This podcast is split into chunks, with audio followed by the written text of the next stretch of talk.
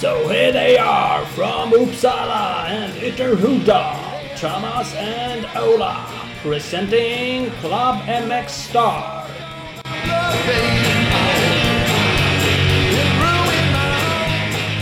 Sådär ja, lång väntan över. Ja, den som väntar på något gott, han eh, väntar ju ibland länge. Så är det. Det säger vi ofta nu för tiden. Det är skärpning nu.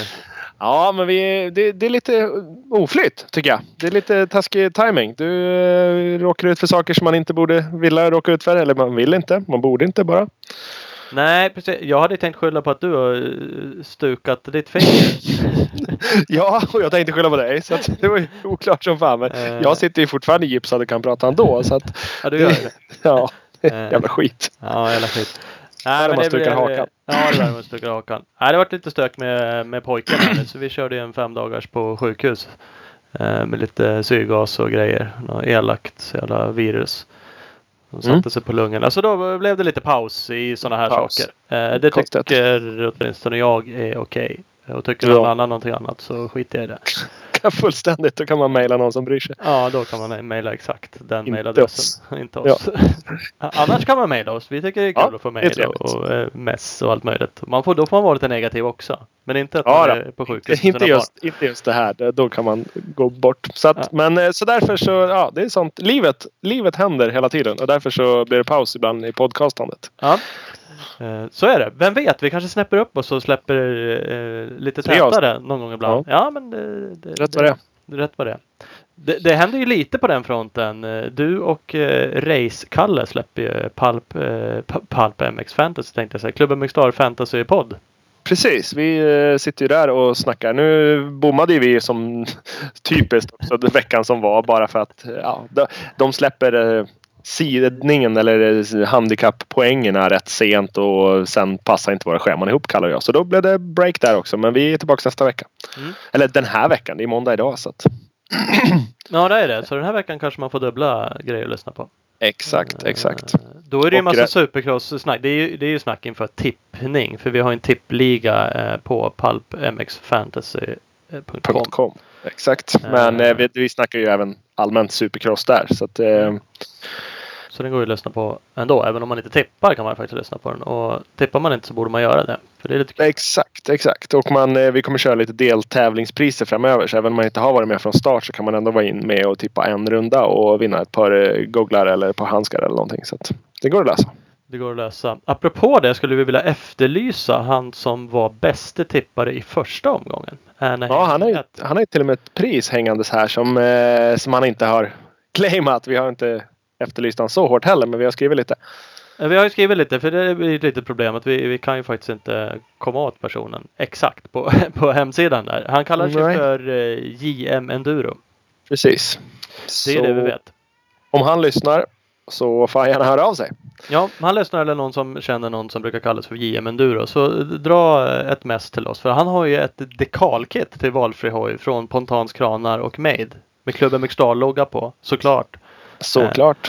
Eh, Så det är ju rätt snajdigt eh, pris att kunna plocka hem ett dekalkit. Ja, men det är det, det, är det. Till, eh, om man förutsatt att man har en bike. Annars man ge den till någon polare som har en hoj. Så en jävla lyxig grej att ge bort till någon faktiskt. Så att eh, då får man köpa Absolut. en hoj till då. Men döper man sitt lag till JM Enduro så har man förmodligen en, en enduro-gök står i garaget. Något riktigt jävla buskras som kan behöva nya dekaler. Det kan vara så. Det- DRZ 400. Ja. Jävla Perfekt. Smutt. Ja, förstår jag. Blir fan kung ute i buskarna sen. Bara. Direkt. Ja, det vet vi inget om. Vi får se vem som hör av sig. Ja, ska vi inte kapa honom? Nej, faktiskt. En riktig jävla snabbåkare. Får man skit för det här också. Ja, det är inte lätt. Nej, det är inte lätt. Det är inte lätt. Eh, vi ska alldeles strax ringa till Lars Lindström. Eller Lindström. Precis. Han är Lars ju- Wrench på Instagram va? Ja, han är det. Och det är, han är ju sådär. Jag och många andra svenskar brukar ju claima honom som svensk. Jag har Mm, hört att direkt. det är många som, ja, jänkarna uttrycker sig som att det där kan ni bara lägga av med. Han är liksom Skit i det. Han är vår. fullblods eh, amerikanare. eh, men han har, jag kan inte exakt familjeförhållanden. Han har ju svensk pappa. Vi ska försöka Mm. reda ut det lite grann. Så att han är ju, och han säger att han ska prata svenska med oss. Så vi får se det. vi får se. Vi får se. Nej, det blir nog bra. Och han eh, ja, har ju gjort. Han jobbar ju på Honda HRC. Han eh, har meckat åt Jeremy McGrath, eh, Kevin Windham, Chad Reed bland annat. Så att eh, det kommer bli lite intressant. Vi kör lite USA och Honda-tema nu eftersom vi körde Oscar i förra podden. Vi gjorde ju det. Så att uh, Oskar var med förr. Uh, Lars har folk nämnt att de vill med. Vi har ju tänkt på det också. Men det har inte blivit riktigt så. Nej, det var faktiskt våran, eh, våran eh, ryktesguru Patrik Erlandsson som hjälptes, hjäl, hjäl, hjälpte till att styra upp det här. Mm, han hänger där ibland. De är väl Tack. för övrigt där nu också. Eller, han- eller har varit i alla fall. Nej, det är bara Junior som är där. Jaha, det är bara junior. Max eh, Stortippan Erlandsson är där. kunde man ge sig fan på. Ja, visst fan. Han stack. Farsan fick pröjsa förmodligen. Mm, ja, så var det troligen. Så, var det troligen. Eh, Så har de. Men vi ska ringa Lars alldeles strax. Eh, Mm. Men först ska vi tacka några av våra partners. Vi har en Yes. hel drös som fortsätter samarbeta med oss och det är vi glada för. Eh, och en av dem, eller några av dem är bland annat är Big Balls MX. Det är ju värstingbutiken i Växjö. De säljer ju eh, Suzuki, GasGas, Fox, Shift eh, och mycket, mycket mer. Eh, kolla in dem på www.bigballsmx.com. Följ dem också på Instagram på Big Balls MX. Yes och EMX Racing. EMX Racing representerar ett 30-tal varumärken däribland Recluse Motorsports, Arai Helmets, Galfer, Dirt Freak, Zeta Racing, DRC Products, Vortex, Twin Air, Enduro Engineering, Guts Racing, Motion Pro, MX Tech, TM Design Works med flera. Kolla de grejerna på www.emx.se och följ dem på emx-racing på Instagram. Det ska man göra. Man ska också kolla in Mafi och genom Mafi Athletics Partner hjälper Mafi ett stort antal svenska förare. Eh, bland annat André Högberg, Ken Bengtsson, Jonathan Bengtsson och Tim Edberg. De kan man följa på Facebook på Mafi Athletics Partner söker man på då och kolla också in www.mafi.se. Jajamän, och vi har Speed Equipment. Klart bästa cross-enduro-butiken i Västsverige. De har rea på Show-hjälmar, Oakley-briller, fortfarande i webbshoppen. De har även fått in massa nya glasögonväskor. Så checka ut det. www.speedequipment.se eller SE Racing Sports på Instagram. Där har vi några av våra grymma partners. Smack! Så kommer det fler sen. Det kommer fler sen. Eh, det är grymt. Eh, jag vet inte. eh, ska vi helt enkelt bara ringa till Lars? Det tycker jag. Det tycker jag. Då gör vi det med en gång. Hallå! Hallå! Hur, Tjena! hur är läget? Uh, det går bra. Min, min svenska är lite dålig. Ja, men det är ingen fara. Nej. Nej, jag ska bara. Den är inte så, den är inte så farlig vi, vi vet ju inte. Nej, vi har ju ingen aning. Nej, vi är ju helt... Nej, det var därför jag tänkte driva mig lite. Ja, ja, ja, precis. Ja, det är klockrent ja. Vi blir som två jävla Ja. fågelholkar här och bara shit, hur ska det här gå? Hur, fan, hur får Ska vi vi... börja på engelska istället eller ska vi bara köra? Ja, nej, jag tänkte det. Kanske det skulle vara lite kul. Ja, Ja, det var ju Helt rätt. Det, det, Välkommen! Ja, eller... ja tack så mycket. Det är faktiskt så att eh, vi svenskar och jag brukar säga, vi claimar ju dig som svensk och tycker att fan vad smutt att vi har en svensk i USA som meckar och gör coola saker. Eh, och så har jag sett lite Ja, så på Twitter och sånt där att eh, amerikanarna tycker inte alls att vi kan claima dig som svensk utan du är liksom yankee.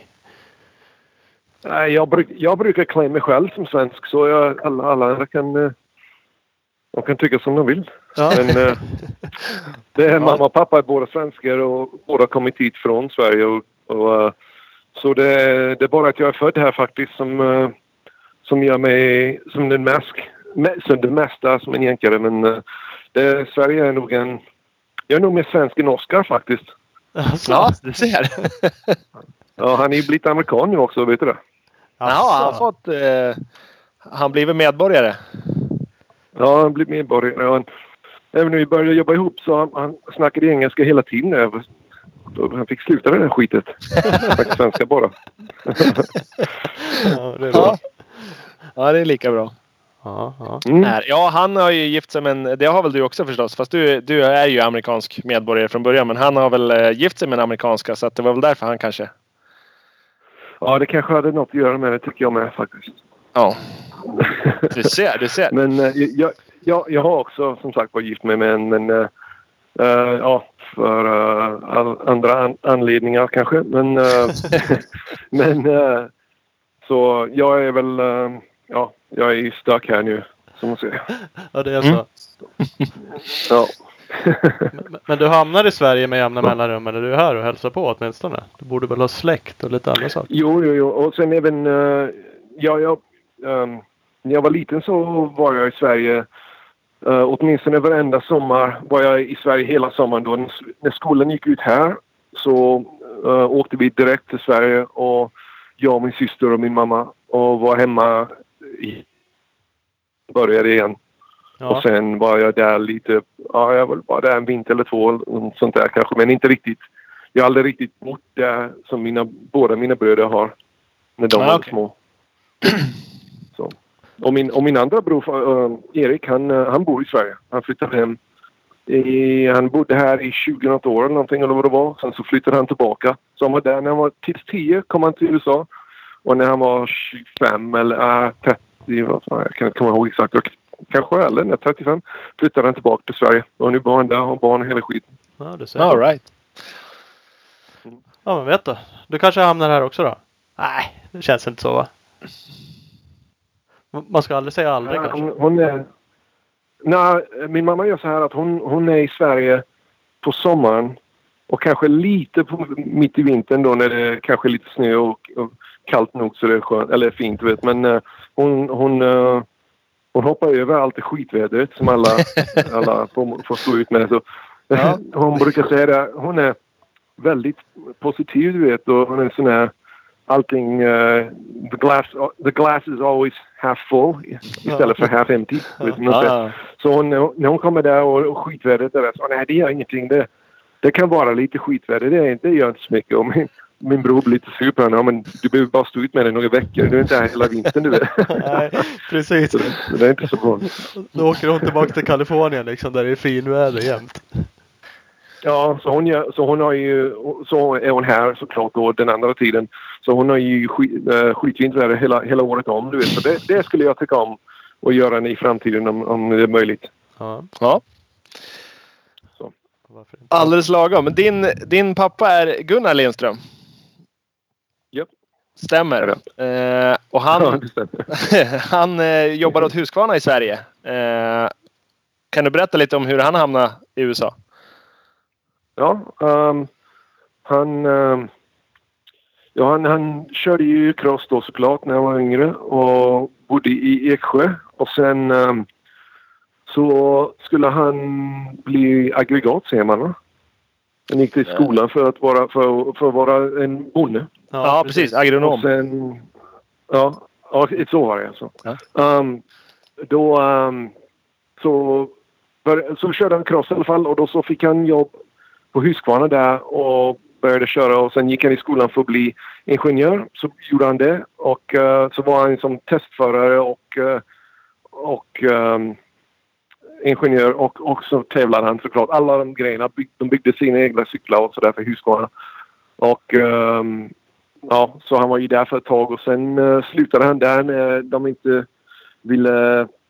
Ja, de, de, ville, de var ju svårt att ändra någonting du vet därför att eh, de, var ju bäst och det var ingen som, andra som kunde som kunde vara bättre än dem du vet så de, de ville inte ändra på någonting. Nej, okej. Så äntligen då så tyckte han att det var lite tråkigt eh, att eh, inte kunna testa nya grejer och hålla på. Du vet.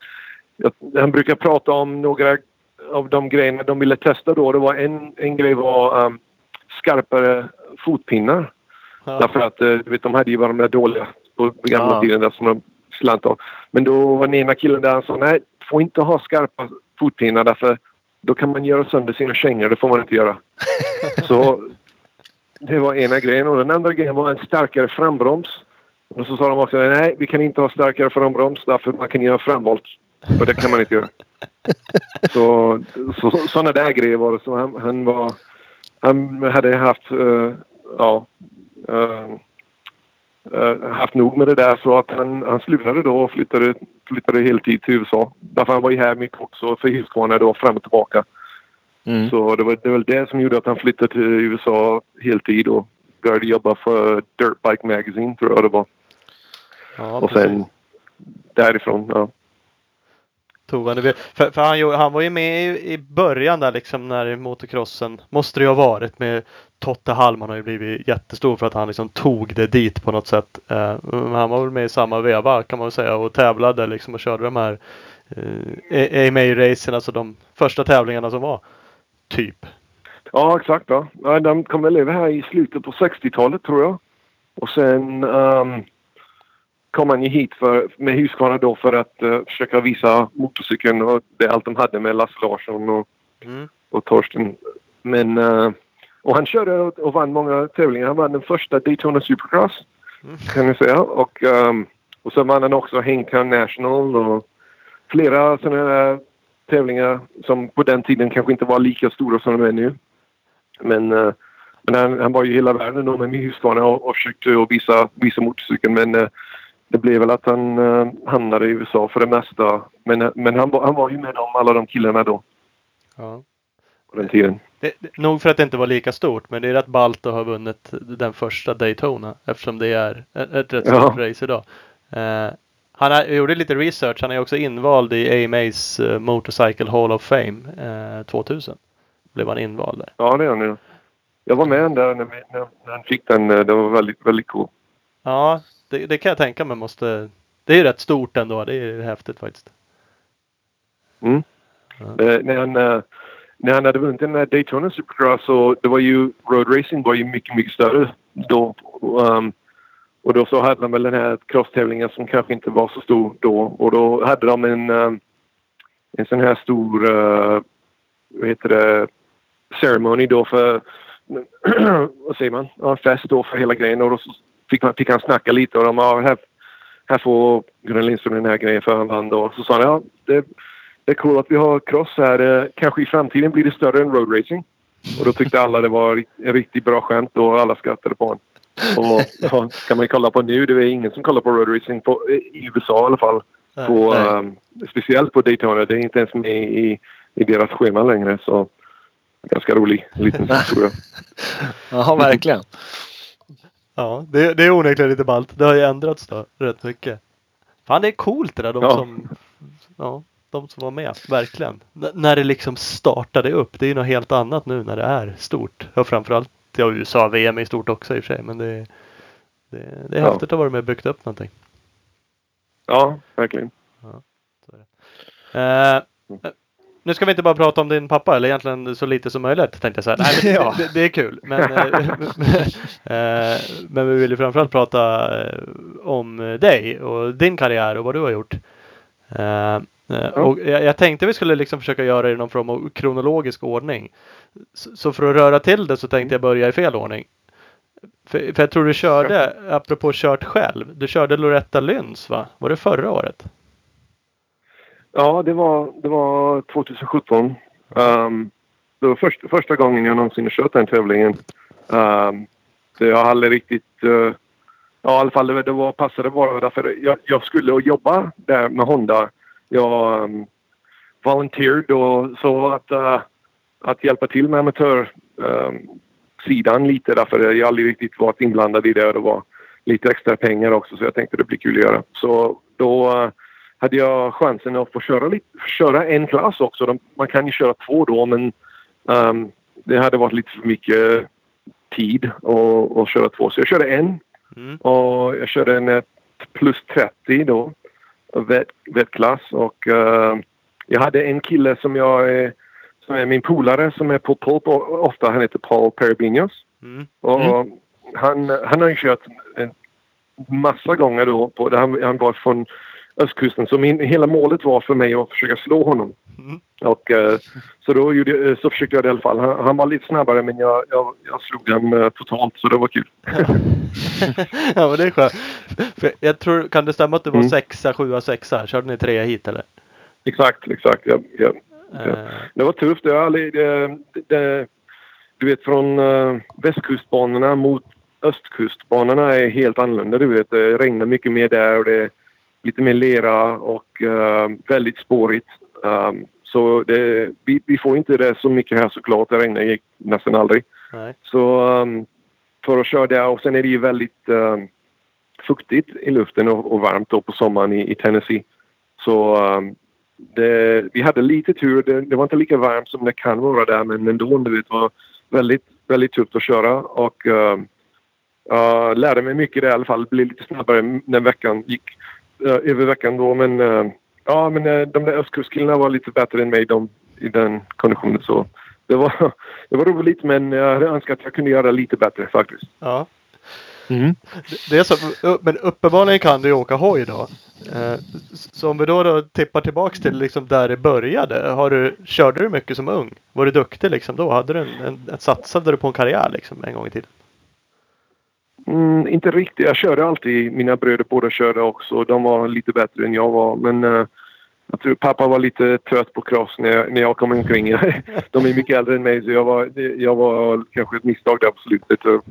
Så, så det var, um, var... Jag tror inte pappa var så sugen på, på att uh, eh, sponsra en annan kille du vet och, och, och, och tävla. Men, uh, så, men jag, jag gjorde mig illa också. Det var det som saktade ner mig i början. Där jag, jag gjorde förstörde båda knäna när jag var 13-14 år redan. Så det, det, det, gjorde nog så att uh, någon amatörkarriär hade jag inte därför att uh, det var alltid någonting fel med mig då. Men uh, då när jag var 18-19 år började det gå lite bättre och då körde jag lite, lite supercross då när jag var ja, 20 år någonting sådär.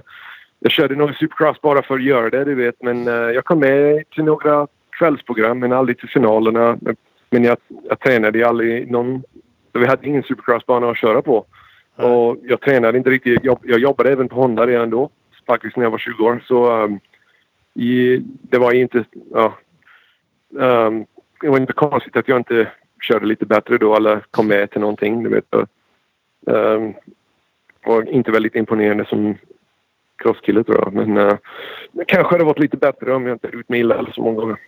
Ja, det har ju väldigt högt ställda krav också när du tycker att det där var, äh, det var inte så imponerande. Men att kvala in till kvällsprogram är ju någonting som bara väldigt få svenskar har gjort överhuvudtaget.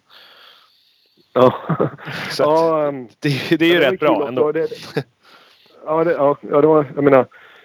Det, det enda som var lite tråkigt var att eh, nu när jag kollar och ser de här killarna som kör. Jag, jag har en, eh, en polare som har kört då um, Travis Bright och han, han, har, han har slutat köra nu men när han skulle börja köra supercross då några år sedan och då kom han in och han tränade hårt och han är bra bana att köra. Cyklarna var alla fina som han hade.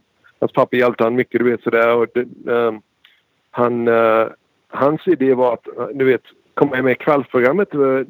Det, det, skulle han ju bara göra. Det var inte, det var inte något snack om det där. Han skulle komma med och komma med i finalen var det det han, hans mål var, du vet. Och när jag körde, även med min bror Erik då, han körde också några, några supercross då i slutet på 90-talet eller mitten på 90-talet kanske. Det var ju bara att komma med i kvällsprogrammet och sen efter det var det helt, du vet, det var ingen chans att komma ner till finalen. Så jag hade nog aldrig rätt som mindset, du vet. Det var, jag bara tänkte, det, det kommer ju aldrig gå det där. Det, det, är för svårt, jag kan inte det.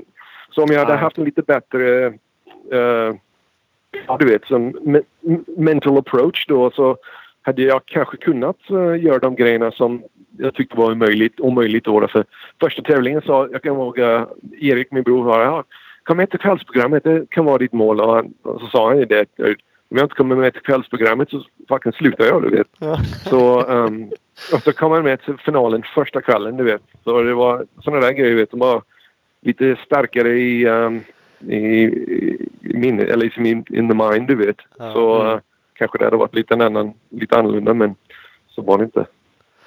Nej, det är mycket, där pratar vi ofta om med alla möjliga. Det, det är rätt speciellt. Det är ju all idrott i och för sig, men mycket sitter ju i huvudet. Så är det ju. Uh, och mm. det, det, är klart. Men det är lätt att vara efterklok också. Det är det ju alltid. Så här borde man ha gjort. Så här ja, borde jag ha tänkt. Exakt. det är som uh, Chad Reed, du vet. Han, han har så mycket självförtroende att eh, ibland är det lite löjligt, du vet. Därför han, han, eh, han kan ju vara som ja, 2013 eller någonting när vi körde cross då, speciellt uh, Nationals då. Han, han var ju så dålig. Han körde ju 15 och 18 plats och han körde i. Men det var det alltid därför cykeln var dålig. Det var aldrig han, du vet. och då så, så tänkte man bara att du, du, du är ju finished, du vet. Det var att lägg av nu. Och sen uh, 14 så ko- kommer vi omkring, du vet, och, uh, Supercross. Och så vinner han. Ja. Du vet, han hade ju bara... Jag kan aldrig tro att han skulle kunna det igen. Och sen, men han, han hade ju ingen... Det var ingenting till honom det där, du vet. Han, bara, han visste att han kunde vinna. Eller att, Mm. eh, du vet. Så det, han är ju en sån person som har lite, kanske lite för mycket självförtroende.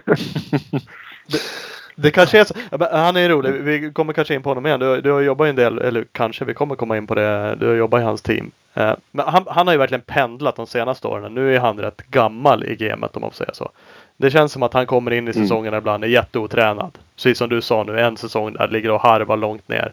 Så kommer han till nästa år och det går hur bra som helst och han verkligen visar. Vad, Vad är det liksom som gör det? Är det att han ibland är dåligt tränad?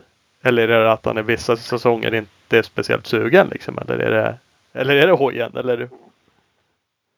Nej, jag skulle tro att det, är lite, det är lite olika varenda år faktiskt skulle jag säga. Um, um, vi kan lite snabbt gå igenom det. 2011 var han i, jättebra form och väldigt sugen och du vet, eh, ville visa alla att han inte var färdig eller eh, att han än kunde, kunde vinna och det gjorde han ju då. Ja. Så då kom han in väl, väldigt vältränad och sen um, 2012 även mer vältränad och han, han körde ju skitbra då. Han slog Villapoto där och sen gjorde han sig illa. Och den, när han gjorde sig illa där i knät i Dallas då 2012. Det, den knäskadan var aldrig riktigt bra även i 2013. Så hela vår 13-säsong var ju kass då. Därför att eh, han inte var helt okej med, sin- med sin kropp. Ja. Och det var då en sån här grej. Han bara sa att cykeln, du vet, det var, det var ju väldigt uh, well documented där att eh, han, han sa att han tyckte inte om den, den cykeln från Honda 2013. Nej. Men det var så, så mycket hojen att det var faktiskt honom själv, du vet, som inte var 100 procent. Um, du vet, hela säsongen då var han ju aldrig riktigt lika vältränad eller um, du vet, väldigt, eh, ja, inte lika snabb heller. Nej. Nej. Man brukar kunna... Ja, försvann lite. Ja, men sen, och sen stå- 2014 var nästan likadant som 2011. Du vet, han ville visa alla att han inte var eh, för gammal än, eller att han kunde vinna. Det gjorde han ju. det. Och sen gjorde han sönder axeln och sen började det hela om igen. nu. Så, eh, ja. Ja. Nej men det, det är väl Den- så förstås. Och det, det, det är mycket som spelar in. Ja, Ola. Nej, den kraschen han gör på Millville då 2012. Eh, satte det sig i huvudet på honom? För det verkade så. Efter det så, så gick det tyngre. Eh, eller var det bara som, som det verkade? Uh, uh, sommaren 2011. Um, han... Nej, Ja, var det satte sig i han ett tag där. Ja, det var 11 kanske då eh, han hoppade av på Millville. Um, och, han har just kört förbi Villeport och så. Men han var ju som bäst någonsin i crossen. Mm. I hans crosskarriär var han ju bäst då. Men det, Precis. det tog mycket, ja det, det gjorde mycket uh, i, mentalt där att uh, han, han var ju aldrig likadan, lika snabb i, i på, eh, Nationals eller cross uh, som han var. Och sen vann han ju ett hit i uh, lag-VM i, i Frankrike men egentligen var det inte därför han var snabbast. Det var bara att han var bäst på, på den. Det regnade lite och hade, han tog starten. Och, men jag menar, han har aldrig varit snabb cross efter den säsongen. Nej. Så någonting, du vet, han är... Vi hade även, du vet, vi har ju um, sån här uh, data acquisition då på våra cyklar som kan, vi kan kolla tillbaka och se. Och det var många gånger, du vet, i 2013 och sådär han växlade inte ens in i fyran ibland. Du vet, eh, på cross. Ja, okej. Crossbana, du vet, när man ska vara som toppfart då, du vet, och han, nej, eh, det var, det var, han tyckte att trean var bättre där. Det var mycket, mycket saktare på många ställen. Han hade bara inte det där längre som han hade innan eller så, som man måste vara. Du vet, lite, du vet, uh, bara hang it out. Du vet, uh, han Ja. hade inte det längre. Nej. Alltså det borde, jag märker ju liksom, nu är jag i sig snart 40 då, men det är väl han också tänkte jag säga. Det, alltså man märker ju med åren, man blir lite fegare. Och händer det någonting så blir man ju lite per automatik bromsad tycker jag. Och det borde och visar sig kanske som du säger att det även slår på en sån kille som Chad Reed. Och de kör ju ännu, ännu snabbare, ligger liksom på gränsen och måste pressa. Och det, det, ja, det borde ju sätta sig kan man tycka, att Ja. göra en sån där krasch. Ja, det tycker man ju. Men jag menar, det, ja, alla blir gamla någon gång. Det, det, det, är svårt för dem som har varit duktiga och tycker de är bäst att, att erkänna att de inte kan göra det längre. Och jag menar, det, det verkar som det närmar sig för honom nu. Speciellt det här, den här säsongen. Kan, han kan inte vara glad med hur han kör just nu. Du vet. Och, uh, det är väldigt, väldigt tufft skulle jag säga för honom. Ja, det måste ju vara det. Alltså för, visst, han kvalar in, men ibland är det ju precis. Han har ju kört några sista chansen och sådana saker. Det kan inte vara så kul. Uh, och han, han kör ju inte som han, som han säkert skulle vilja. Eh, samtidigt känns det inför den här säsongen också som att han inte har förberett sig. Det är ju bara min åsikt, men man, man har sett honom på bilder. Han ser inte så supervältränad ut och man känner att har han ansträngt sig liksom? Eller kommer han in och bara ska åka på talang eller vad? Ja, jag vet inte. Jag har snackat om det innan med några andra eh, personer som... Han... Att eh, få den här rekorden på mest starter då. Jag tycker mm. det är väldigt kul att ha den som record då men jag vet inte varför han är... Jag, menar, jag vet inte varför han tycker det är så cool. Om det är, om det är verkligen det att varför han kör just nu eller om man bara vill ha lite extra pengar eller jag vet inte vad det är för något. Men han... Um,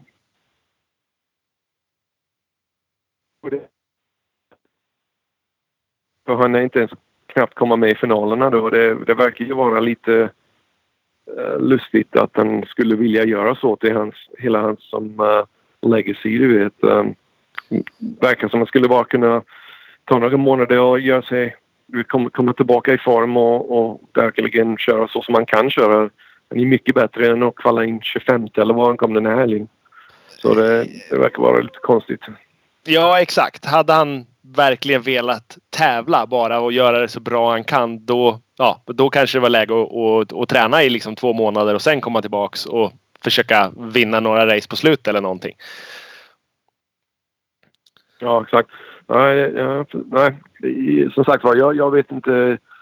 Eh, jag har inte snackat med honom mycket heller i år faktiskt. Han har varit väldigt tyst. Eh, men eh, han, ja, det verkar bara lite lite tråkigt tycker jag att han inte är på sitt bästa. Det vet som man kan vara. Han, han, alla vet att han är mycket, mycket bättre än så som han kör just nu. Så att det, det är tråkigt att se honom så. Mm. Jo, det är det. Nu åker han väl också med någon skada i alla fall vad, vad han säger eller som det verkar. Så det spelar ju säkert också in såklart. Men det kanske också gör ännu mer att han borde ta ett break då, då och liksom komma i form. Mm. Ja, jag tycker ju det. Um, om det är så, så om det gör så ont eller vad det är för något så ja, det verkar lite uh, ja, dumt tycker jag att han inte bara lägger av lite och kör. Jag kan ju köra mycket bättre och, och få den här koden sen. Du vet, det behöver han inte göra just nu. Men uh, ja, jag vet aldrig. Nej, det är så. Men, du har jobbat massa år i hans team eh, och, och, eh, man hör ju att du, du, känner honom men man hör också att du, du, du, ringer inte och pratar med honom varje dag. Eh, är, är det svårt? Blir man inte liksom polare på det sättet eller beror det på såklart kanske eller vad? Jo, um, men även när jag jobbade för honom faktiskt så var det inte så att vi brann och höll på du vet och ringde hela tiden. Vet du vem pratade med mest var nog Oscar därför att uh, Chad är så... Han, han, han vill ju ändra på all, allting på sin motorcykel och vill testa eh, uh, stup 1. Och um, så Oscar var ju fjädringskillen då och det är Chads favoritgrej att ändra på.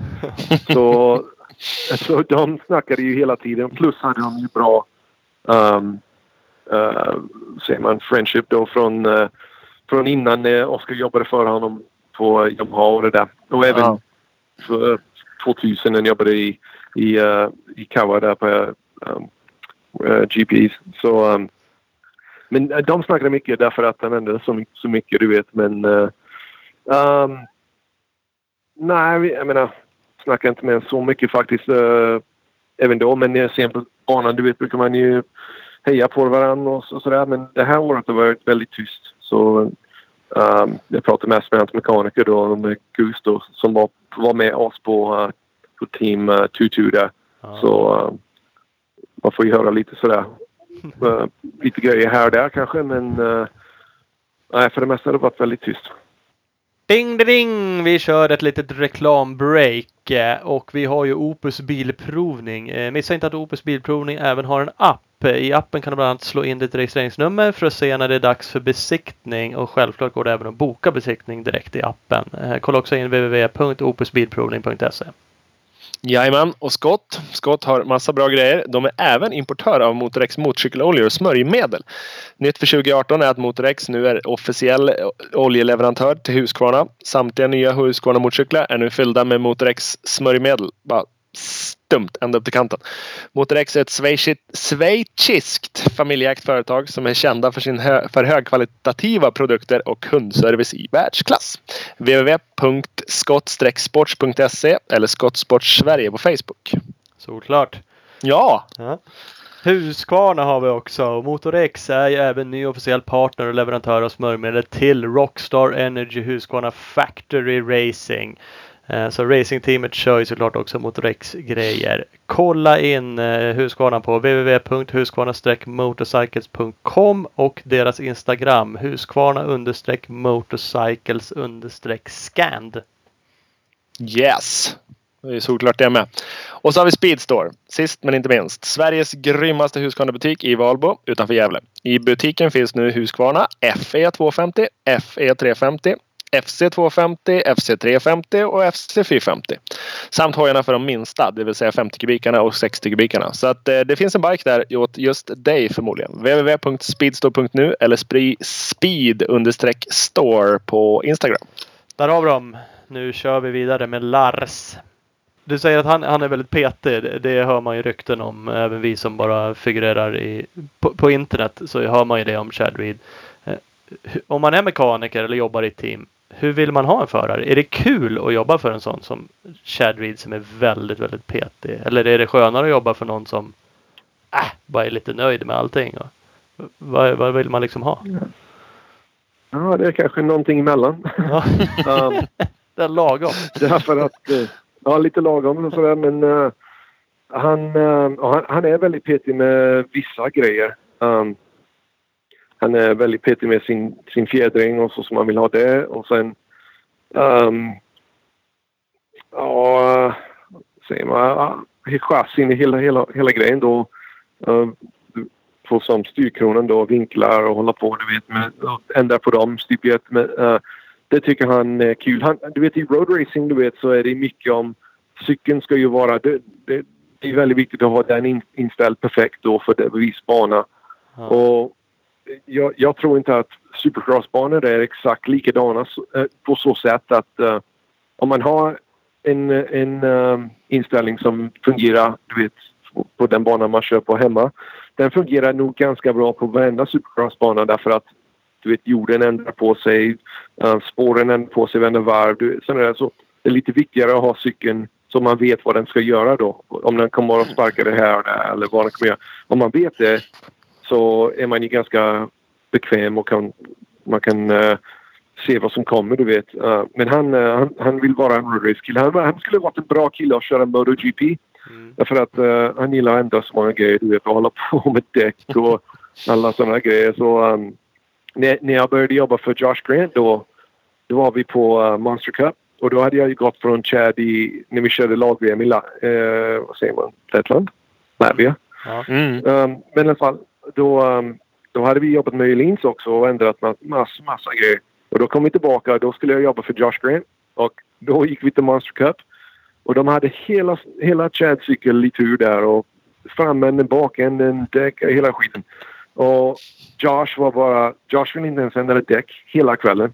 Så jag jag hade inget... Jag bara stod där helt... eh, Jag fick, jag fick jobba, hjälpa, hjälpa Gus med Chads cykel därför det var, jag var ju uttråkad, du vet. Det var, eh, jag vill inte byta... Han vill inte ens byta hand, eh, grips, du vet. Handtagen. Eh, han vill att det ska vara utslitet från förra veckan, du vet. Så jag fick inte göra någonting för Josh där. så det var, det, var, det var lite helt åt andra hållet och det var lite tråkigt där. Ja. Så. Mm. Ja. Det, det är väl så kanske. Det, som du säger, det, det där lite lagom. Så är det väl såklart liksom. Eh, Det, det Ja. måste ju också skilja sig hur duktig man är på att testa. Nu vet jag inte alls hur Chad Reed är. Alltså, man måste ju kunna vara en förare som man vill bara byta massa grejer. Fast man egentligen inte har någon känsla för det.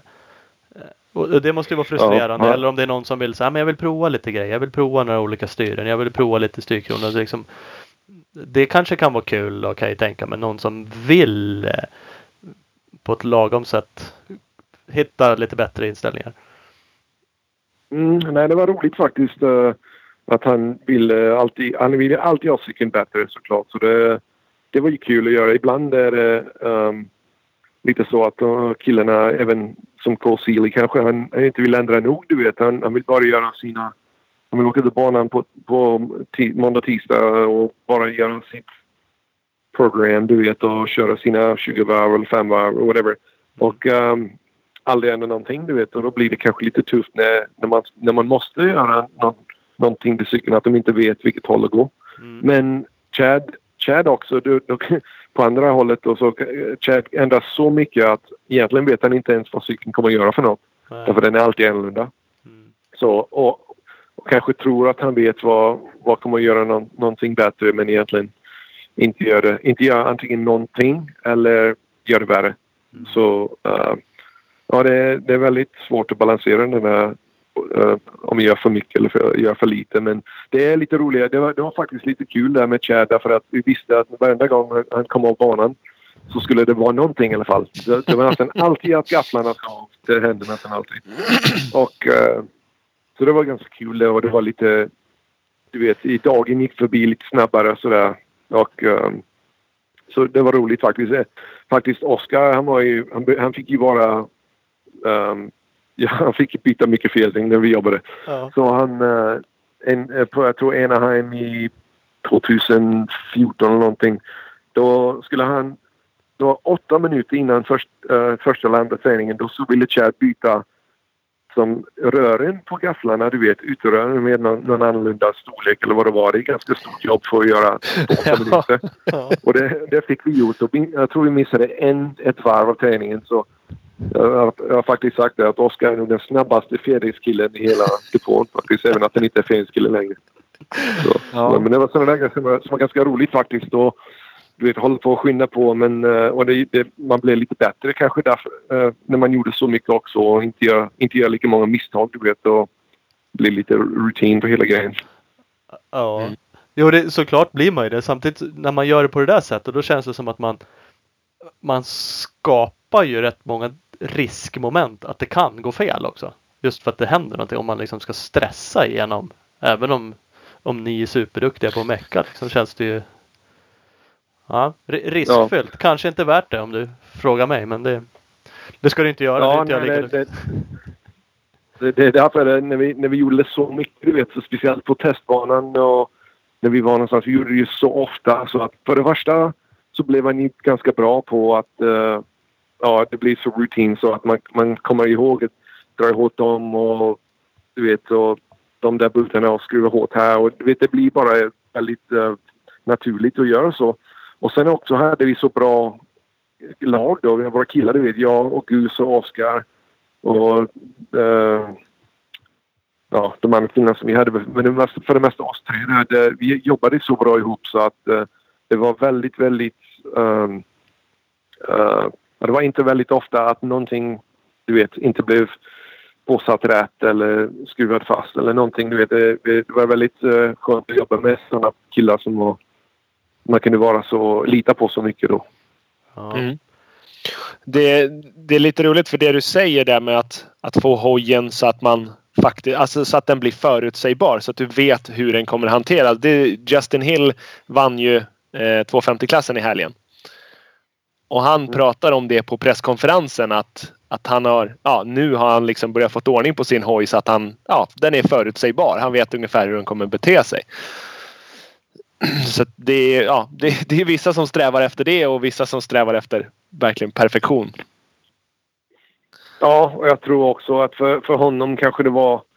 Jag skulle tro att de har mycket att göra med, med motorn också därför att eh, såklart 250-klassen är ju väldigt... ehm, ja, man, man måste ju ha en bra motor då. eh, och Mm. den där Suzuki är ganska gammal nu. Jag vet de har haft en...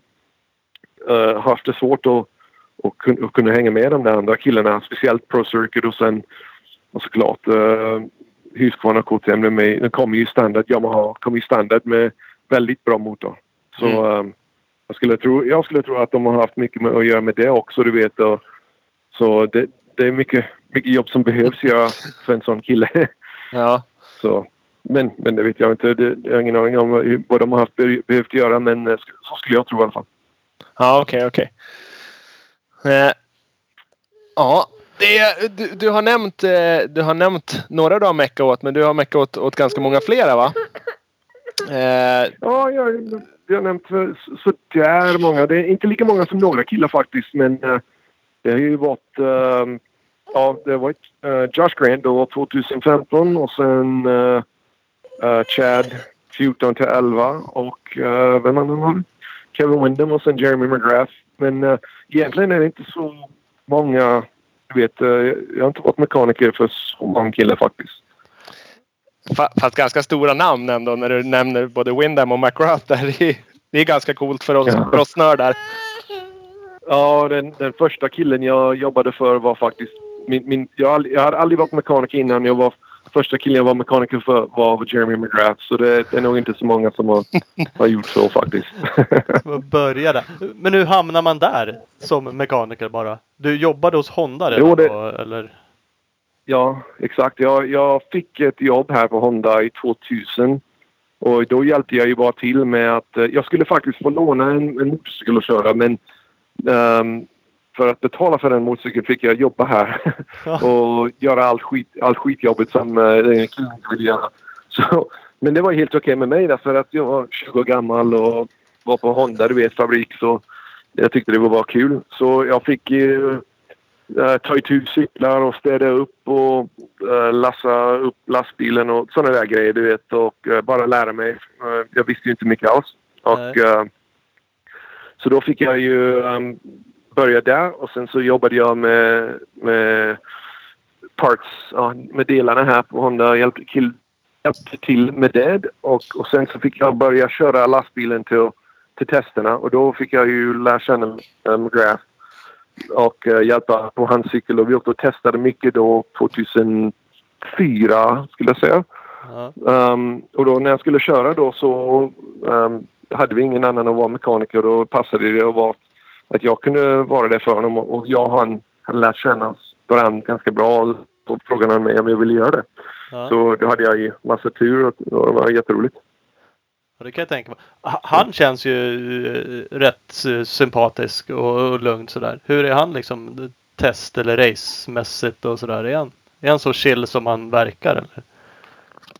Ja, han är faktiskt exakt så cool som han verkar i när, när någon intervju eller någonting. Han, han är... Um, um, nej, han är, han är ja, jättecool faktiskt och rolig att jobba med och, och hänga med och uh, väldigt um, duktig på att testa, du vet. Och, ja, på alla sätt tycker jag han är riktigt bra kille.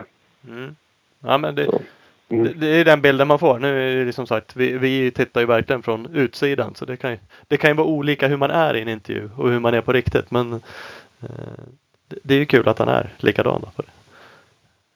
Nej, nej, exakt. Eh, Han, eh, han var väl, jag lärde mig mycket från honom och väldigt bra, bra polare med honom. Um, och uh, nej, som sagt var, han, han, han hjälpte mig mycket med att och, ja, att komma igång med allting. Och jag lärt mig mycket från honom.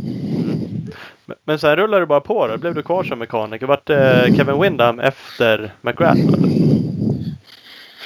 Ja, jag, ehm, jag var, jobbade som uh, testmekaniker här på Honda och, och efter det. Och han körde ju bara de där, eh, det var inte så många tävlingar han körde du vet. Så det var ju ganska bra för, för mig då att lära mig och um, mina första. Och sen Uh, ja, i 07 så jobbade jag för Kevin Windham och um, så då var det jättebra det att han var, han var rolig att jobba för. Um, vi vann några tävlingar det året så det var riktigt coolt att göra det som mekaniker. Mm. Uh, Unidella vann vi och sen um, kanske en till. Men uh, i alla fall um, och sen i 08 så skulle så skulle han inte ha en fabrikshoj längre. Han skulle vara Factory Connection och sen bara ha fabriksgafflar eller fjädring då. Mm. Så um, då skulle jag behövt sluta Honda och gå och jobba för uh, Fetch Connection då, liksom Geico-laget då. Men uh, då, ja, han frågade mig om jag kunde göra det men det, det verkade inte lika säkert och, och inte riktigt uh, det jag ville göra. Var, jag ville inte riktigt lämna fabriks-Honda så då stannade jag här och då jobbade jag mer uh, uh inhouse då som vi säger. Um, på alla möjliga grejer och testa, testa och um, mycket i, i um, workshopen här och bygga testgrejer och alla, alla möjliga grejer faktiskt. Så det var det jag gjorde efter det. Ja, jag, jag, forskade lite kring det för då var det inte bara liksom motocross, supercross utan då var det lite andra saker också eller som du testade och Ja, och uh, vi hade, jag fick vara med om några andra projekt som var cool. Det var um, Supermoto gjorde jag. Det var nästan jag som hade hand för det mesta med det. Ja. Um, och det var roligt. Och, och sen så hjälpte jag lite med Road Race-laget här. Um, uh, när vi körde Daytona. Och uh, så det var kul. Och um, så, och så var det grejen vi gjorde? Um, uh, Dirt Track-projekt har vi skrivit Ja. ner här. Ja, ja det, men det var, det var tidigt där. Vet du vad? Det kanske var första gången jag var en mekaniker där. Även innan McGrath var för Nicky Hayden. Okej. Um, därför att uh, den nya 450 kom. Och då var det samma tid som han var väldigt um, uh, populär då. Och, och han hade vunnit många dirt track och sen körde han i Honda och vann många superbike-tävlingar här. Så um, då byggde vi en dirt track-cykel och körde den här nere i um, Del Mar Fairgrounds här i San Diego. Och han... Då fick jag vara med där och hjälpa till med det och det var riktigt cool det och han, han jag tror han kom tvåa den kvällen. Men uh, lärde känna honom och, uh, och, och jobba på hela den grejen där så det var riktigt roligt då. Sen så blev jag, ja det var cool att bli polare med, med Nicky också och lära känna honom i många, många år efter. Ja, det är också ett rätt Så. tungt namn. Om man är intresserad av sånt här. Ja, exakt.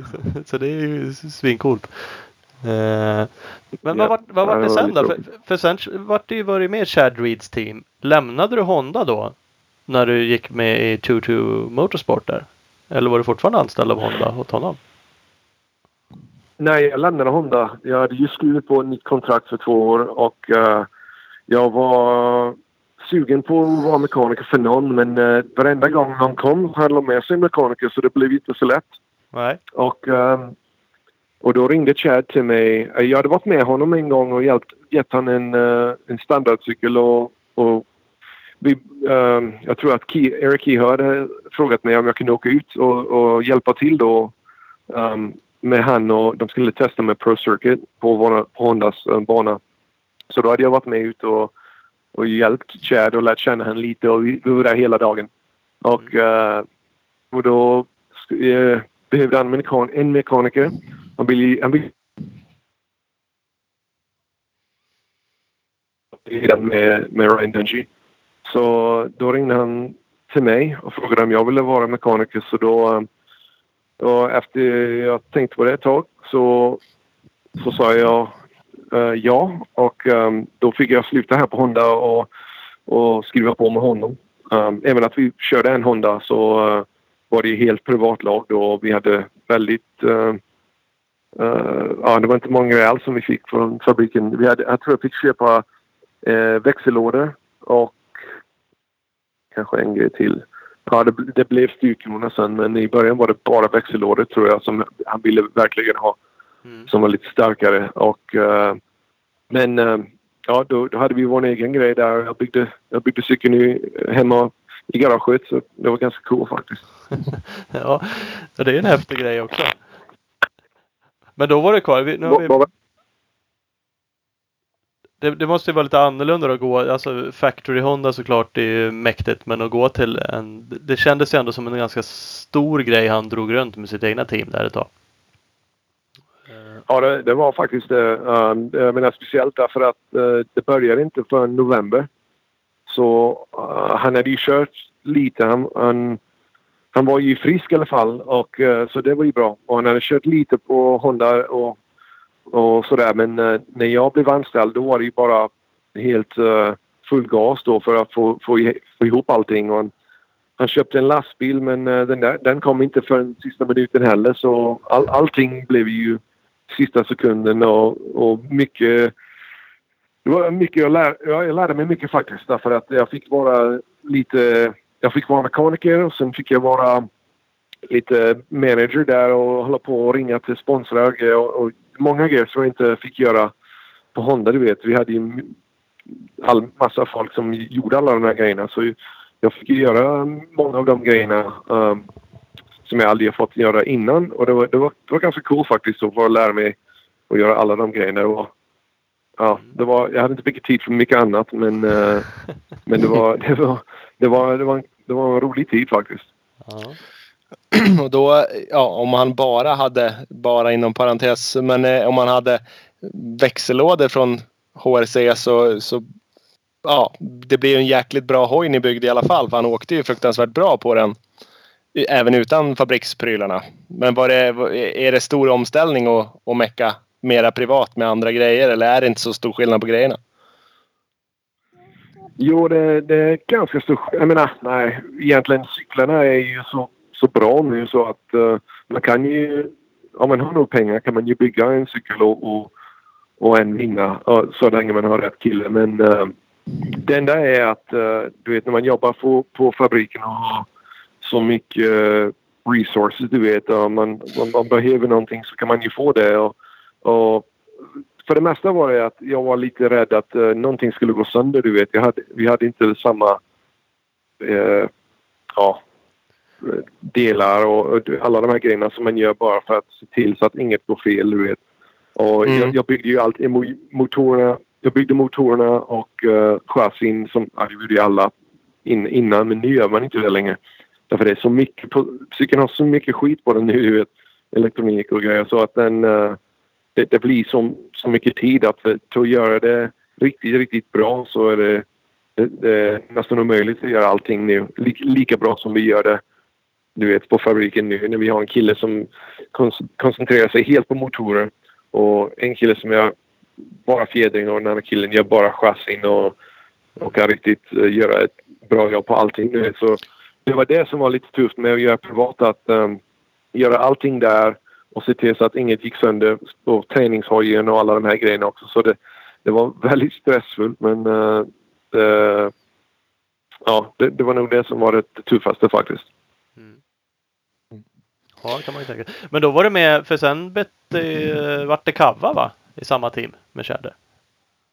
Ja, ja, så bytte vi Kava. Um, vi, uh, vi, och sen också hade vi, när vi, vi gjorde privat och sen så blev, fick vi ju köra fabrikscykel då för, cross-säsongen. Så då var vi ju här på Honda. Då kom jag tillbaka till fabriks-Honda och jobbade med alla killarna, även att jag jobbade för Chad.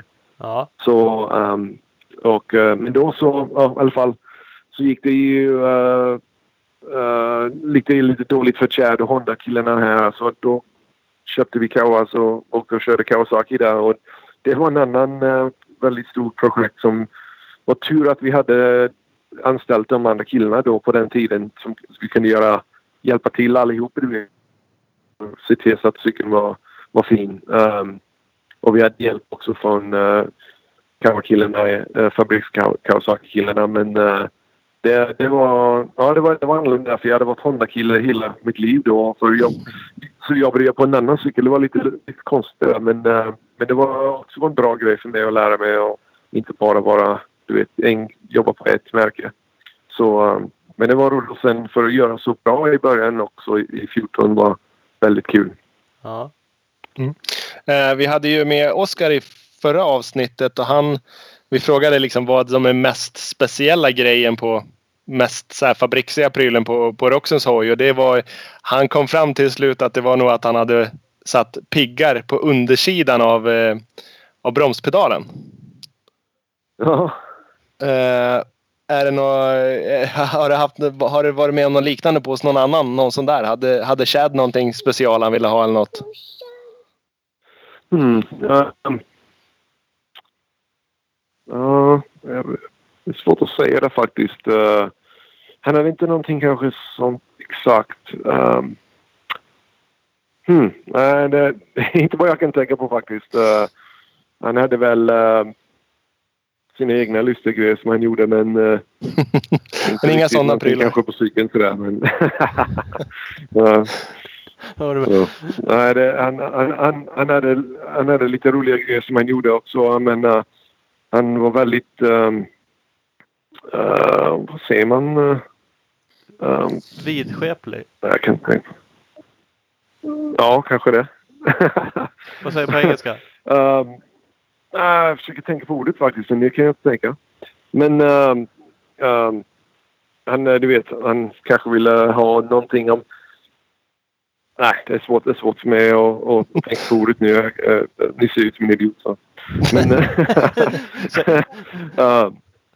drar, uh, drar du på engelska? Också, jag kan inte tänka på det. Ja, exakt. Nej, det är båda två. Aha. Jag kan inte tänka på svenska eller engelska just nu. Jag kan inte tänka på något språk. Nu har vi förstört det för dig. Nej, det, det är sådär som man säger. En, en brain fart kallar man det ju här på engelska. Ja. Men uh, i alla fall, det är det jag har just nu. Ja. ja. Så. Det är alltså vidskeplig. Ska ta på sig vänster stövel först och kasta lite exakt, grus. Det, exakt det, det, Super, exakt Superstitious. Exakt superstitious. Det tog en svensk för att hitta rätt ord. Um, nej, det är det. Han hade sina egna superstitions där som han gjorde som uh, var lite roligare ibland. Men uh, annat än det så för det mesta var han ganska ja, normal på de, de grejerna. Inga sådana där lustiga grejer som Kenny har.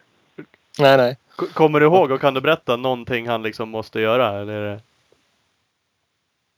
Um, han hade sina egna idéer. Kanske var han på fjädring eller någonting. Han kanske tänkte på någonting eller hade dålig heatrace eller någonting och sen gick tillbaka och satt i sitt rum där. Och sen så kom han ut. Nej, vi ska köra så här mycket tryck i gaffeln då när vi, när vi körde airfork och då. Ska jag tänka det. Han kanske sa 1400 uh, PSI eller vad det var så sa Oskar, menar du 140?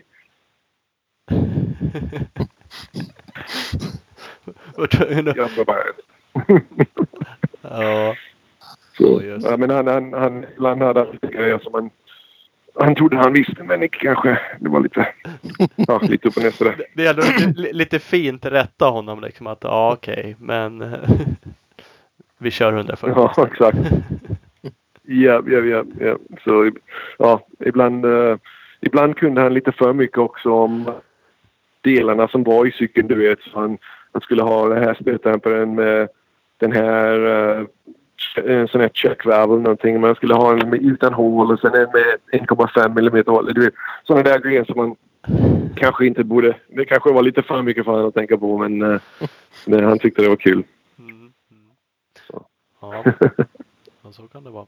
Eh, vad är din roll hos eh, Honda idag? För, för Kava då som sagt, men sen trillar du tillbaks till Honda efter 2-2 eller? Ja, um, så han uh, fick ju lägga ner laget, eller teamet då och, um, och då var det ju alla började ju leta för jobb och Oskar hittade med, med Roxen då. Um, och uh, och sen så i början så sa han faktiskt det att de, de skulle ta jag och uh, Oscar. Kenny ville ha Kenny, uh, Oscar som uh, fjädringskille. Mm. Och att jag skulle vara mekaniker. Det, det är i alla fall då så som hans Kenny tjej. Um, som var våran PR-tjej då. Um, hon uh, var så så de, de hade tänkt men det fungerar med pengar sådär att uh, då gjorde Oscar kanske lite, lite av båda. Mm. Så um, i alla fall då gick jag med Chad till Yamaha. Och um, jag jobbade på Yamaha i ett månad sådär. Men uh, det var ingenting, ingenting som var helt säkert uh, att det skulle hända. Så medan allt det hände och vi väntade och väntade så ringde Honda och de behövde en motorkille. Mm. Um, för 2016-säsongen. Och um, så då, det var där jag verkligen ville gått, åka tillbaka till faktiskt. Därför jag, jag hade jobbat där i tio år, du vet. Och um, kände många och kände mig väldigt uh, hemma där. Och um, det är faktiskt en... Även att det är ganska långt ifrån var jag bor så är det det närmaste stället jag kunde ha flyttat. Eller jag menar, det närmaste uh, racehopen jag kunde jobbat. Ja. Och um, så då så då tog jag det i alla fall även uh, efter fram och tillbaka med Chad lite och uh, Um, men då så fick jag komma hit och börja jobba och bygga motorer så det var väldigt skönt att, att komma hit igen och ha ett, uh, ett bra jobb som jag kan lita på sådär du vet. Och, och precis då också så hade jag haft uh, min son. Mm. Så att uh, det, jag vill inte riktigt vara och, och, um, och um, resa lika mycket på den tiden. Så det, var, det passade bra perfekt att gå tillbaka till Honda. Ja men det är skönt. Men, men är du kvar? Är du fortfarande motorkille på Honda nu då? Eller vad gör du idag? Nej, just nu är jag inte det faktiskt. Därför att jag, jag, jag byggde eh, Justin Bogles motorer den sommaren. Eller det, det året menar jag. Och sen eh, såklart så, eh, så hade vi inte tre killar efter det. Så då började jag jobba um, uh, ja, bara på som testing igen och göra Eh, special projects och, och lite alla möjliga, möjliga grejer. Och, um, så det är det jag håller på med nu. Jag försöker, jag försöker lära mig lite mer om uh, um, elektroniken och um, du vet um, data acquisition och, och sen också alla grejerna som det innebär. Du vet, så att jag kan göra, göra någonting annat. Um, så det är det jag håller på med nu och uh, vi får se vad jag gör i framtiden. Jag vet inte än. Nej. Men, men är det en roll i race-teamet då? Alltså i supercross motocross-teamet? Eller är det en, en Honda? En inhouse-tjänst liksom? Nej, nej det, är, det är på raceteamet då. Ja. Jag gör inte på raceteamet. Sen åker jag också till, uh, till uh, tävlingarna. Inte till varenda en, men kanske hälften av dem. Och sen uh, är jag, hjälper jag till med Oscar där, eller Rich, um, Cole Seelys mekaniker. Och um, hjälper dem på vilket sätt de behöver och um, um, ja, och så, alltså, jag har inte varit på de tävlingarna den sista tiden nu. Jag har brutit benet faktiskt. Um, så jag har en två veckor till tills jag kan börja gå på den. Så det har varit lite jobbigt. Men uh, för det mesta så är jag på de hälften av tävlingarna. Ja, ja. Okej. Bryter Va, benet? ja, precis. Vad har hänt? Vad har du gjort? Har du kört omkull? Ja, kraschade på uh, en bana här ute som heter LACR. Uh, handen kom av styret och burpade så bröt min tib tibia och fibula. Så fan. jag fick operera på den. Och, så det var inte så kul. Det har varit 13 år sedan jag brutit någonting på en motorcykel. Och, så det var tråkigt. All right. Apropå det, jag, jag skrev upp det tidigare här hur, hur snabb du var och hur duktig du var. Så läste jag, eh, det var Ask Ping på Racer X. Han fick frågan eh, vi- vilken som är den snabbaste mekanikern. Det här var 2012. Eh, och då svarade han The Swedish Miracle. Att du var snabb nog att kvala in i ett National. 2012. Ja. kanske 2012 men uh, det är nog inte längre faktiskt. Men, men, det går ju tillbaks till, vi, vi pratade, du har ju uppenbarligen kollat in till Night Show och lite sådär eh, back in the days. Du, du kan ju åka hoj. Även om du nu precis berättade att du kraschade då. Och inte kunde. Men Ja, ja nej, jag, men jag, har kört mycket och har haft... Uh, mina tider var jag kanske varit bättre än andra. Eller du vet, kört sådär men uh, jag, uh, jag brukar tycka att jag, jag kör väldigt i kontroll. Jag har bra kontroll av cykeln och även när jag ramlade faktiskt uh, så jag gjorde ingenting dumt heller. Det var bara en sån här grej du vet. Jag inte var beredd på det. Att uh, handen kom av styret där. Så det var väldigt tråkigt tyckte jag att uh, um, krascha på ett sånt sätt. Skulle hellre ha kraschat på något stort hopp som jag ja, om du ändå ska göra. Men, eh, Ja, mm, men det, det var, så var det inte. var det. Får man smyga på? eh, Smyger du på lite factory-grejer på din bike också? Finns det liksom? Kan du gå in och prova den här styrkronan lite? Ja, ibland så kan jag ehm, få någonting eller om jag vill uh, vad heter det säga att, säga att jag vill testa någonting eller du vet, då kanske jag får något, lite sådär. Men för det mesta är det de, de gillar inte det så jättemycket faktiskt. om de ser lite fabriksgrejer på det. det, Eh, några av de lagen så är det helt okej men eh, Honda har aldrig varit väldigt eh, eh, Ja, de har inte gett ut mycket fabriksgrejer men ibland så kan jag, får jag testa lite grejer eller få köra på en av killarnas cyklar du vet. Och testa lite grejer sådär men uh, inte, inte, väldigt, inte så ofta. eh, Sådana här typ ja, uthållighetstester på grejer och så då, för att se hur lång, länge en, en ny pryl som de har tagit fram håller. Det gör de i Japan alltihop eller? Ja, för det mesta. Men ibland så blir det så också att vi får, vi får köra lite grejer. Det bara, ibland är det också att uh, de killarna, de, även att det är så mycket snabbare du vet. Så, att, så det de gör till cyklarna är, är väldigt tufft för en normal person att, att stressa cykeln på sånt sätt. Ah, okay. Um, men, så, men ibland blir det någonting som vi får köra med. Kanske en, en ny sorts kolv eller någonting. Eh, eller du vet hjul eller jag vet inte. Om vi testar någonting som vi vill bara se till så att den ja, inte går sönder med samma eller någonting så kan jag sätta en kille som jag som om jag kraschar är det inte så viktigt du vet. det är liksom lugnt. Ap apropå det då. Eh, det sades ju i alla fall att Norén var lite, Fredrik, lite test för, för några år sedan. Mm. Ja, om det är någon som kan göra sönder någonting så är det Fidde. Ja. Det är faktiskt så. Ja, han, han, är duktig på att köra, köra, ja, köra sönder grejer. Är det så? Kör han så. hårt? Eller går det bara sönder ändå? Ja. Nej, han är, han är tuff på cyklarna faktiskt. Han, är, han, som sagt var, om, om, om det är någonting som behöver stresstestas så är det han som brukar få det egentligen. Ja. Um, men uh, ja, han är ju, han är ju så illa nu, så nu, nu får vi hitta någon annan. Ja, men, men, har han varit kvar och gjort tester åt er? Jag såg att han skrev här om det var idag eller igår att han hela säsongen är väl nästan över för att han är skadad. Eh, men, men, har han varit fortsatt eh, testförare eh, åt Honda åt er? Um, han, han, har gjort lite här och där. Han gjorde ju mycket för oss innan. Uh, och speciellt innan vi hade Andrew Short då förra året. Um, så fick han köra mycket och, och testa mycket för oss. Men um, då hade vi ju då hade vi short då förra året och det här året har vi inte riktigt haft någon än.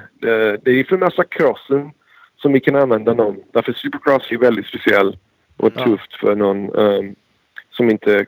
Ja, det, det, det, det, är ju ganska speciellt. Så um, vi får se vad vi gör här um, för crossen om vi, om vi hittar någon som kan uh, du vet, köra igenom lite, lite delar som vi kanske inte vill uh, ge till dem, till våra killar än. Om det, om det inte är någonting speciellt. Du vet, vi, vi tar nog och hittar det som fungerar bäst och så får de ta det bästa av det bästa, du vet. Så, mm. mm.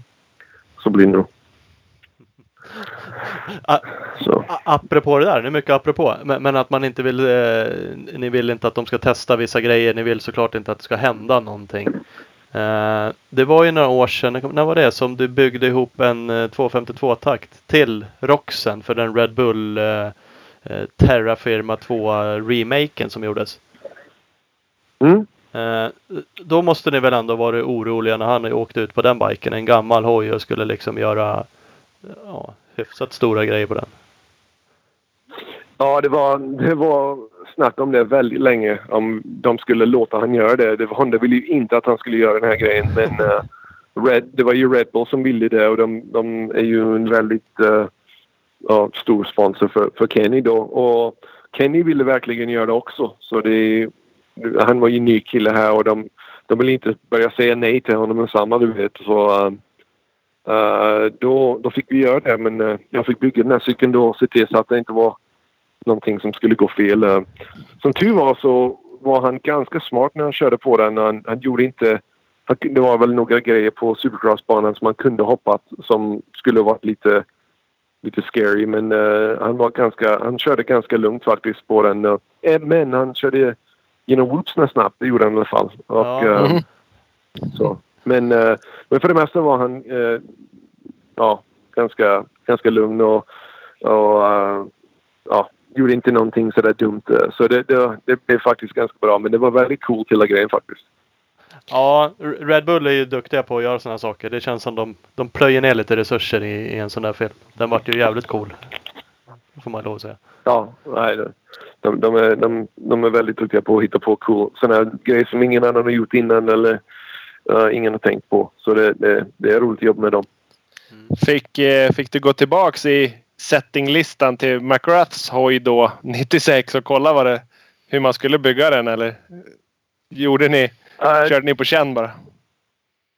Nej, jag, jag, som sagt jag, jag är bra polare med, med eh, Mike Gosler då. Och, eh, han var ju mekaniker för Steve Lamson på samma tid. Så, eh, och han, eh, han visste ju mycket om dem. Och, och jag, över åren så hade jag frågat honom massa gånger också om de här cyklarna. För jag, det var den första killen som jag riktigt tyckte var riktigt cool då var i Jeremy. Och, eh, och, eh, eller kanske Rick Johnson var först, men, men i alla fall. Um, Så Mhm. jag, om jag hade några frågor om den här cykeln så kunde jag ringa till honom och fråga och han kunde man, my, mycket om dem. Så um, det, eh, det var roligt att lära mig faktiskt om de grejerna som de byggde då, eller hur de gjorde de uh, cyklarna. Och det var faktiskt en, en, en av cyklarna som eh, de hade kört på. Så de hade svetsat på ramen här och där och gjort lite grejer som Uh, uh, ja, på den cykeln som han gillade så mycket i 93 där. Så uh, det var ro- roligt att se allt det och, och sen fråga Gus om alla de här grejerna och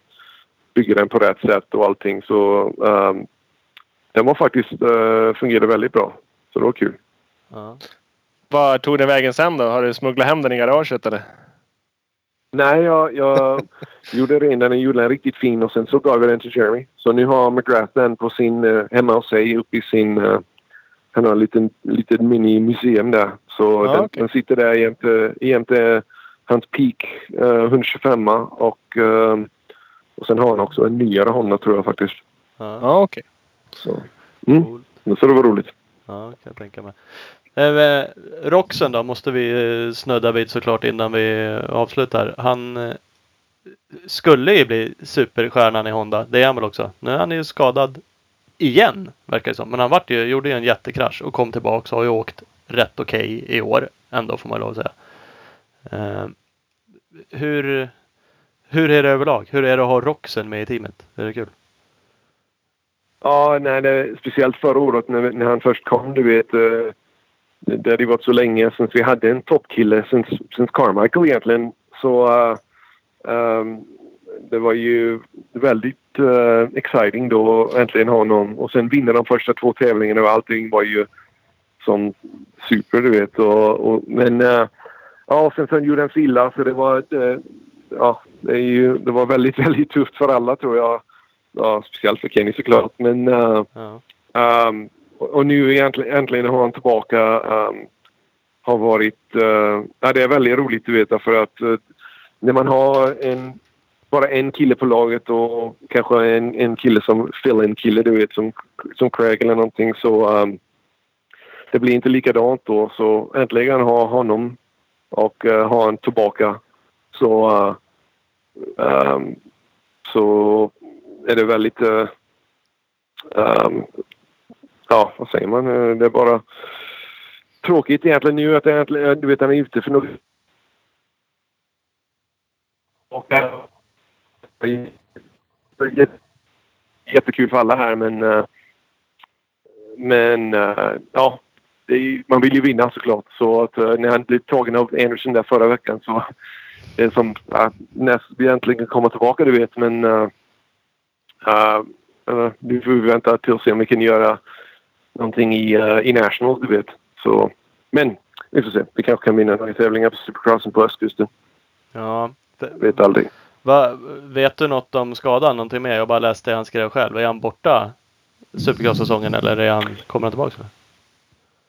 Uh, jag tror att han har, har brutit uh, ja, ett ben i fingret, eller bakom uh, lillfingret tror jag. Ja. Så att uh, jag tror han ska få den fixad av samma kille som fixade hans. Han, och um, han uh, tror att han kan vara tillbaka i några veckor. Så det, det blir mer supercross-tävlingar i år men uh, jag skulle tro att mästerskapet är ju kört nu. Så det, det, är lite, det är lite tufft, lite tråkigt. ja, det kan man ju tänka sig. Så. Eh, Annars då? Det måste vara kul. Roxen är det lite drag kring. Märker ni av det? Liksom att han, han är ju rätt hypad och han är stor på sociala medier. Han har mycket fans. Eh, märks det att han liksom är med på så sätt? Ja, ja, ja 100 procent. Det, eh, det, när de ska skriva autograf och sådär, du vet, det är ju... Um, kön går ju runt hörnet, du vet, sådär. Så det sådana där grejer och um, lite mer um, video och media, mediagrejer som vi all, alla måste göra. Du vet, eller du vet, som får vara med om. Och, uh, um, ja, det, jag menar, det, allting du vet, det blir bara lite mer vatten där. Och, så det är roligt och speciellt nu när vi har förra året kom ut med en ny hoj också. Du vet, det var ju bra timing för, för att ha honom. Så um, um, nej, det, har, det har varit uh, som sagt var väldigt, väldigt kul men uh, också lite upp och ner med som sån här emotional rollercoaster du vet. Så, ja. så väldigt, väldigt, uh, väldigt höga high moments och väldigt låga också som när han gjorde sig illa du vet. Så det, det har varit uh, uh, ja, lite upp och ner såklart. Mm. mm. Ja det kan man ju förstå. Mm. Vi får hoppas att han kommer mm. tillbaka och kan, kan visa för jag vet, Har han tvåårskontrakt med Honda eller hur långt kontrakt har han?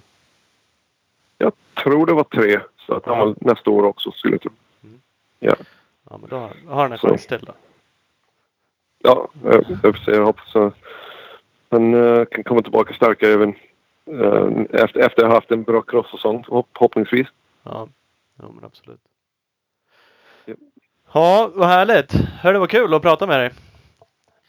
Det, ja, gick, ja, det, det, det gick ju bra det. Vi kör ju dig som svensk nu. Det var ju det. ja, rätt av.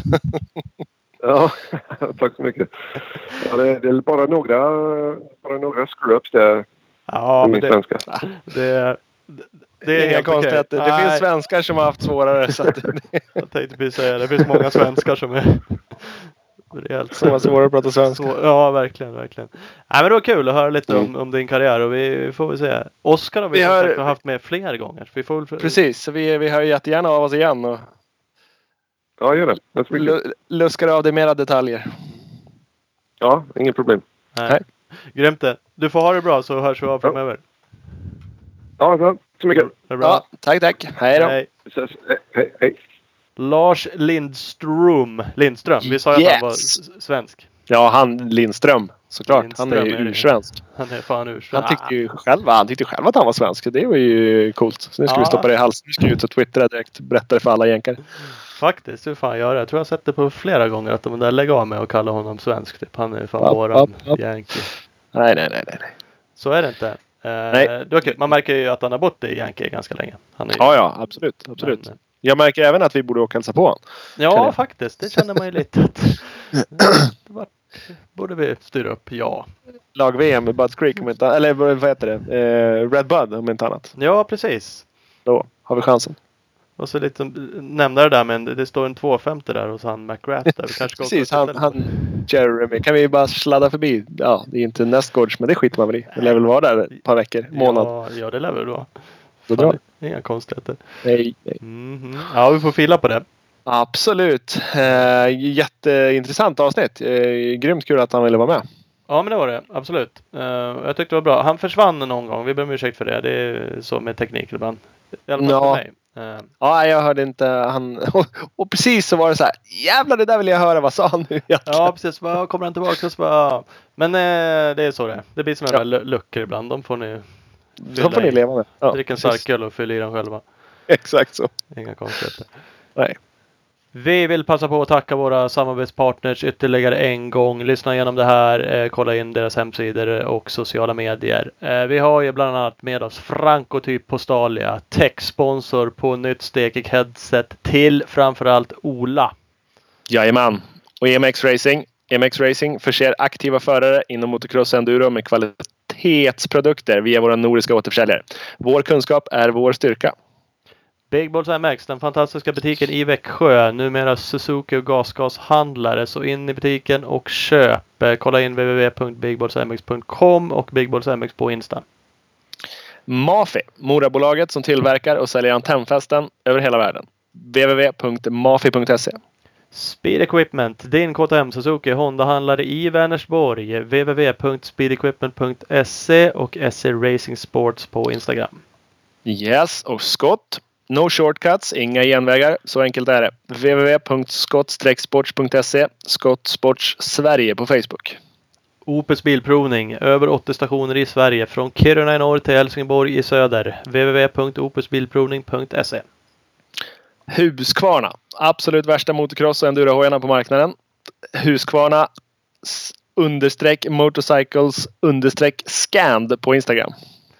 Bioclean Bike Wash, klart bästa tvättmedel till din cross och endurobike. Kolla in dem på Facebook och man kan även beställa tvättmedel på deras hemsida www.bikewash.se. Och Speedstore, bästa butiken i Valbo utanför Gävle. www.speedstore.nu. Speed understreck store på Instagram. Teamo Entreprenad. Behöver du hjälp med grund, markjobb eller maskinförare? Kontakta Tobias Gardné på Teamo Entreprenad. Stort tack! Där har vi dem. Jajamän! Stort tack eh, alla som har lyssnat. Ja, nytt avsnitt om eh, förhoppningsvis två veckor. Mm, senast två veckor. Absolut. Mm. Tack. Hej då, hej då!